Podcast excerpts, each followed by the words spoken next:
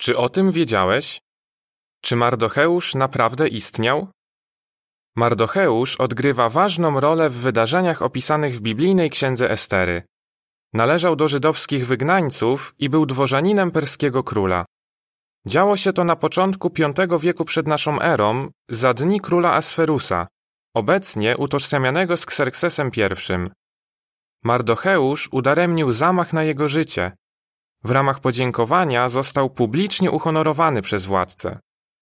Później, po śmierci Hamana, wroga Mardocheusza i wszystkich Żydów, mianowano go na pierwszego ministra. Dzięki swojej pozycji mógł sporządzić dekret, który uratował Żydów w całym Imperium Perskim przed zagładą. Niektórzy dwudziestowieczni historycy twierdzili, że księga Estery opisuje fikcyjne wydarzenia, a Mardocheusz nigdy nie istniał. Jednak w roku 1941 archeolodzy znaleźli coś, co może stanowić dowód potwierdzający relację biblijną. Co to takiego? Badacze odkryli gliniane tabliczki z pismem klinowym w języku perskim, które wspominają o mężczyźnie imieniem Marduka. Pracował jako zarządca w Suzie, prawdopodobnie zajmował się rachunkami.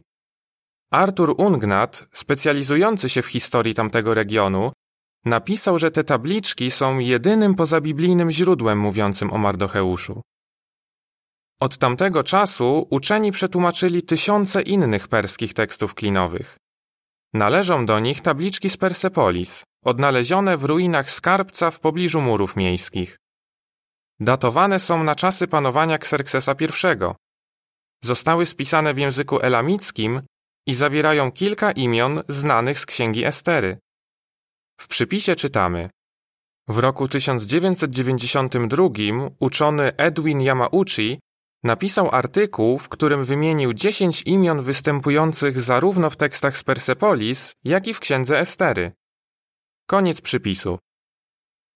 W kilku tekstach z Persepolis pojawia się imię Marduka. Człowiek ten pełnił funkcję sekretarza króla w pałacu w Suzie za panowania Xerxesa I. W jednym z tekstów nazwano Marduka tłumaczem. Ten szczegół pasuje do biblijnego opisu Mardocheusza. Był on urzędnikiem na dworze króla Asferusa, Xerxesa I, i znał co najmniej dwa języki. Mardocheusz regularnie zasiadał w bramie królewskiej pałacu w Suzie. Brama ta miała imponujący wygląd i była miejscem pracy dworskich urzędników. Istnieją wyraźne podobieństwa między wspomnianym w tekstach klinowych człowiekiem o imieniu Marduka, a wspomnianym w Biblii Mardocheuszem.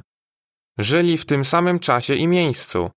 Obaj też sprawowali ważne funkcje na dworze królewskim. Wszystkie te podobieństwa sugerują, że odkrycia archeologiczne mogą dotyczyć opisanego w księdze Estery Mardocheusza. Koniec artykułu.